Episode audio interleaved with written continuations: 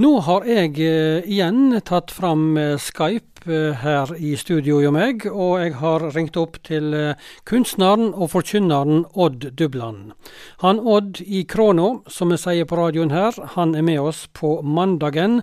Og nå har vi bladd om til november, første novemberdagen, Odd. Nå er det høst. Ja, tenk det er blitt november allerede. Så, men det, du vet, eh, så er det da to måneder, så litt mindre enn det, så snur sola opp igjen. Det går opp igjen. Så det, det er veldig bra det, da. Ja, ikke sant. Jeg syns jo generelt at høsten går fort òg, jeg. Ja da, tida går fort, den gjør det. Jeg tror ikke du ringer til meg hele tida, jeg. Ringer ja. og maser på deg hele tida. Har du noe ja. nå, Odd? Har du noe nå? ja, har du noe nå? Har du noe nå, ja. ja. Ja. Du, eh, jeg, jeg, sa i starten på sendinga at eh, det står i Bibelen at to menn gikk opp til tempelet for å be.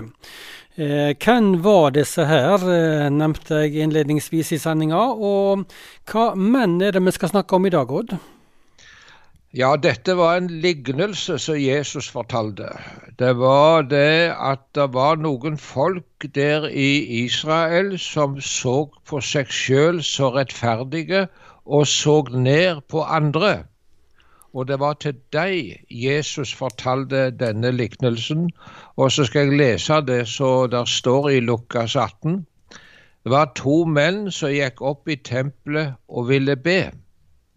Den ene var fariseer, og den andre toller. Fariseerne stelte seg opp og ba såleis. Jeg takker deg, Gud, fordi jeg ikke er som andre mennesker, som svindler, gir urett, bryter ekteskapet, eller òg som den tolleren der. Jeg faster to ganger i veka og gir tiende av alt det jeg tjener. Eh, tolleren han sto langt nede, og han ville ikke engang løfte auga mot himmelen, men slo seg for bringa og sa, Gud, vær meg synderen nådig. Jeg sier dykk, eh, sier Jesus, tolleren gikk rettferdig heim den andre ikke. For hver den som setter seg sjøl høgt, skal gjøres låg, og den som setter seg sjøl låg, skal settes høgt. Altså Det vi skal legge merke med det, Inge, denne fariseeren, han hadde egentlig ikke noe å be om når han kom til tempelet for å be. Nei, hva tenker du på da han hadde ikke noe å be om, for han sa jo takk, han, var ikke det fint? Ja, han, var, han, eh, skulle takke, men han hadde ingenting å be om, altså at Gud måtte hjelpe han med. Han hadde alt på det tørre. Han anså seg sjøl som et høyt moralsk menneske, og han var tilfreds med det. Og så så han ned på andre, og det er en farlig situasjon når folk kommer inn i det. Det kan jo virke veldig sånn fromt, dette her, denne her takken han kommer med? Ja, han takket Gud for at uh, han hadde blitt som han er. Men så ser han altså med forakt på andre, og den tolleren som sto lengt der nede, han så bare ned på han. Men så er det det at uh, det kan være en fariseer litt hos oss sjøl òg, vi som lever nå. Og det til å komme i den situasjonen at du ser ned på folk. Det kan være noe som de der er veldig gale med, med rusmidler og forskjellig òg. Og eh, en skal være glad for at en slipper å havne oppi slikt. Det er ikke det jeg mener. Men jeg kommer på et menneske som sa det slik en gang at jeg så med forakt på folk som hadde problemer med det sjette bud. Altså det er budet du skal ikke bryte ekteskapet. Jeg så med forakt sa vedkommende, på folk som hadde problemer med det. Til dess dagen kom da vedkommende sjøl møtte seg sjøl i en situasjon som var vanskelige akkurat når det gjaldt det der. Det var et menneske som sa det òg slik til meg en gang, at jeg ble så skuffa av meg sjøl når jeg oppdagte at jeg ikke var så moralsk som jeg trodde jeg var på det feltet der.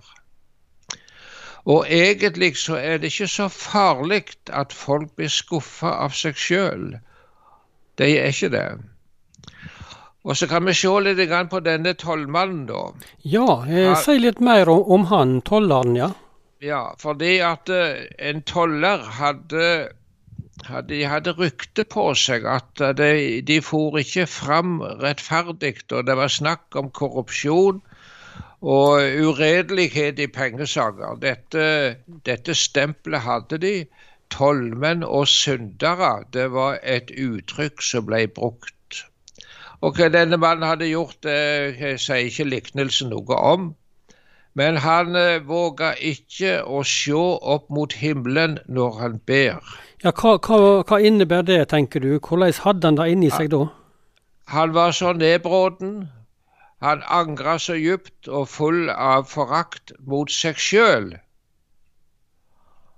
og så er det at han slår seg for sitt bryst. Du vet, i dag så har vi vridd om det der uttrykket. Vi sier han jeg kan slå meg for mitt bryst, altså da er jeg uskyldig.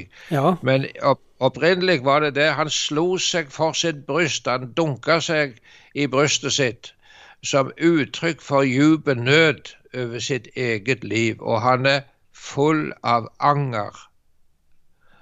Og anger, det er noe djupere enn ergrelse. Ja, forklar.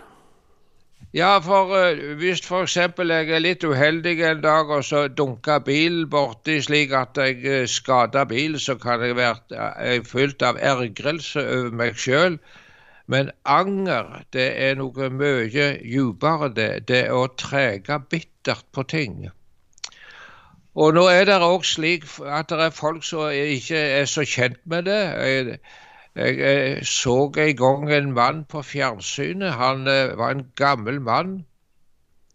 Han hadde vært med på østfronten under krigen, der det ble begått mange grove krigsforbrytelser. Og kanskje han hadde vært med på litt av dette, han òg. Og så spurte de han om han angra på det han hadde vært med på. Nei, det gjorde han ikke. Han angra ikke. Og jeg husker en eh, annen kar òg som sto uh, fram på var det fjernsyn eller radio, en uh, maoist.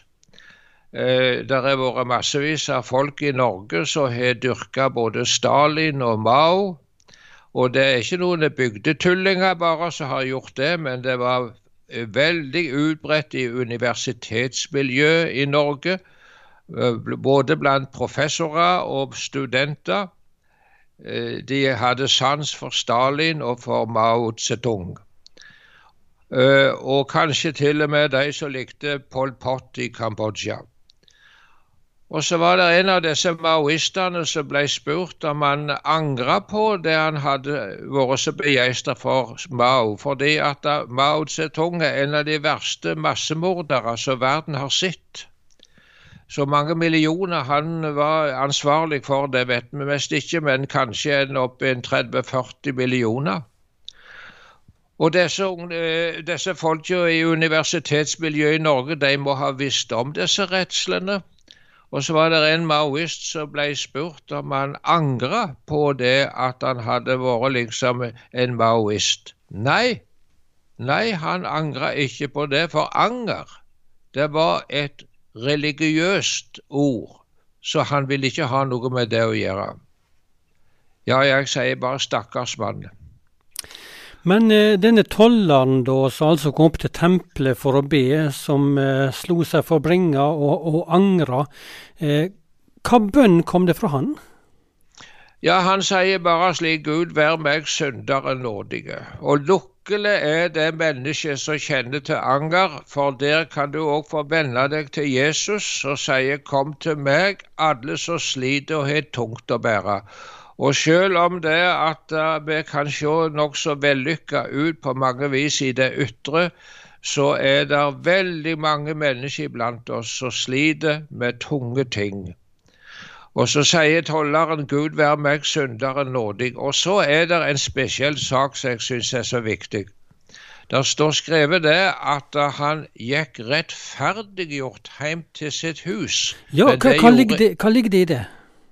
Ja, du vet, det, det går an å bli benåda. Eh, F.eks. en person som har begått en alvorlig kriminell handling, det kan være drap eller noe slikt, og så blir han dømt til kanskje mange år i fengsel. Og hvis han har oppført seg fint i fengselet da, etter en hel del år, kan han søke kongen om benådning. Det kan kanskje være også helsemessige forhold som gjør det at han søker om benådning. Og så kan altså kongen da, eller regjering, de kan benåde mannen. Og så kan han gå ut av fengselet som en fri mann. Men en skal huske på det, at da, om du er benåda, så er du fremdeles skyldig.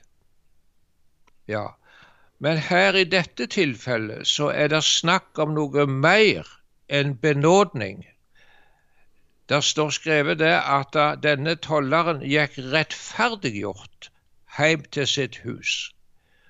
Og her er det et uttrykk som vi har fra gamle tider, der det sies slik Gud anser oss i Kristus som vi aldri havde syndet.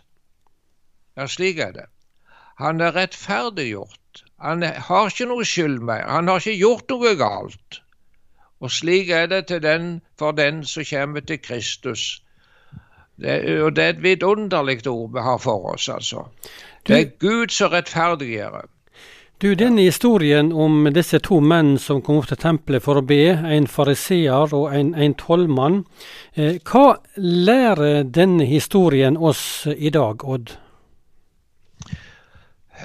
Det, det lærer oss eh, er det først en advarsel å ikke bli slik som den fariseeren og være så blind og tankeløse og tro at en er moralsk høyverdig på alle vis. Det er en ikke.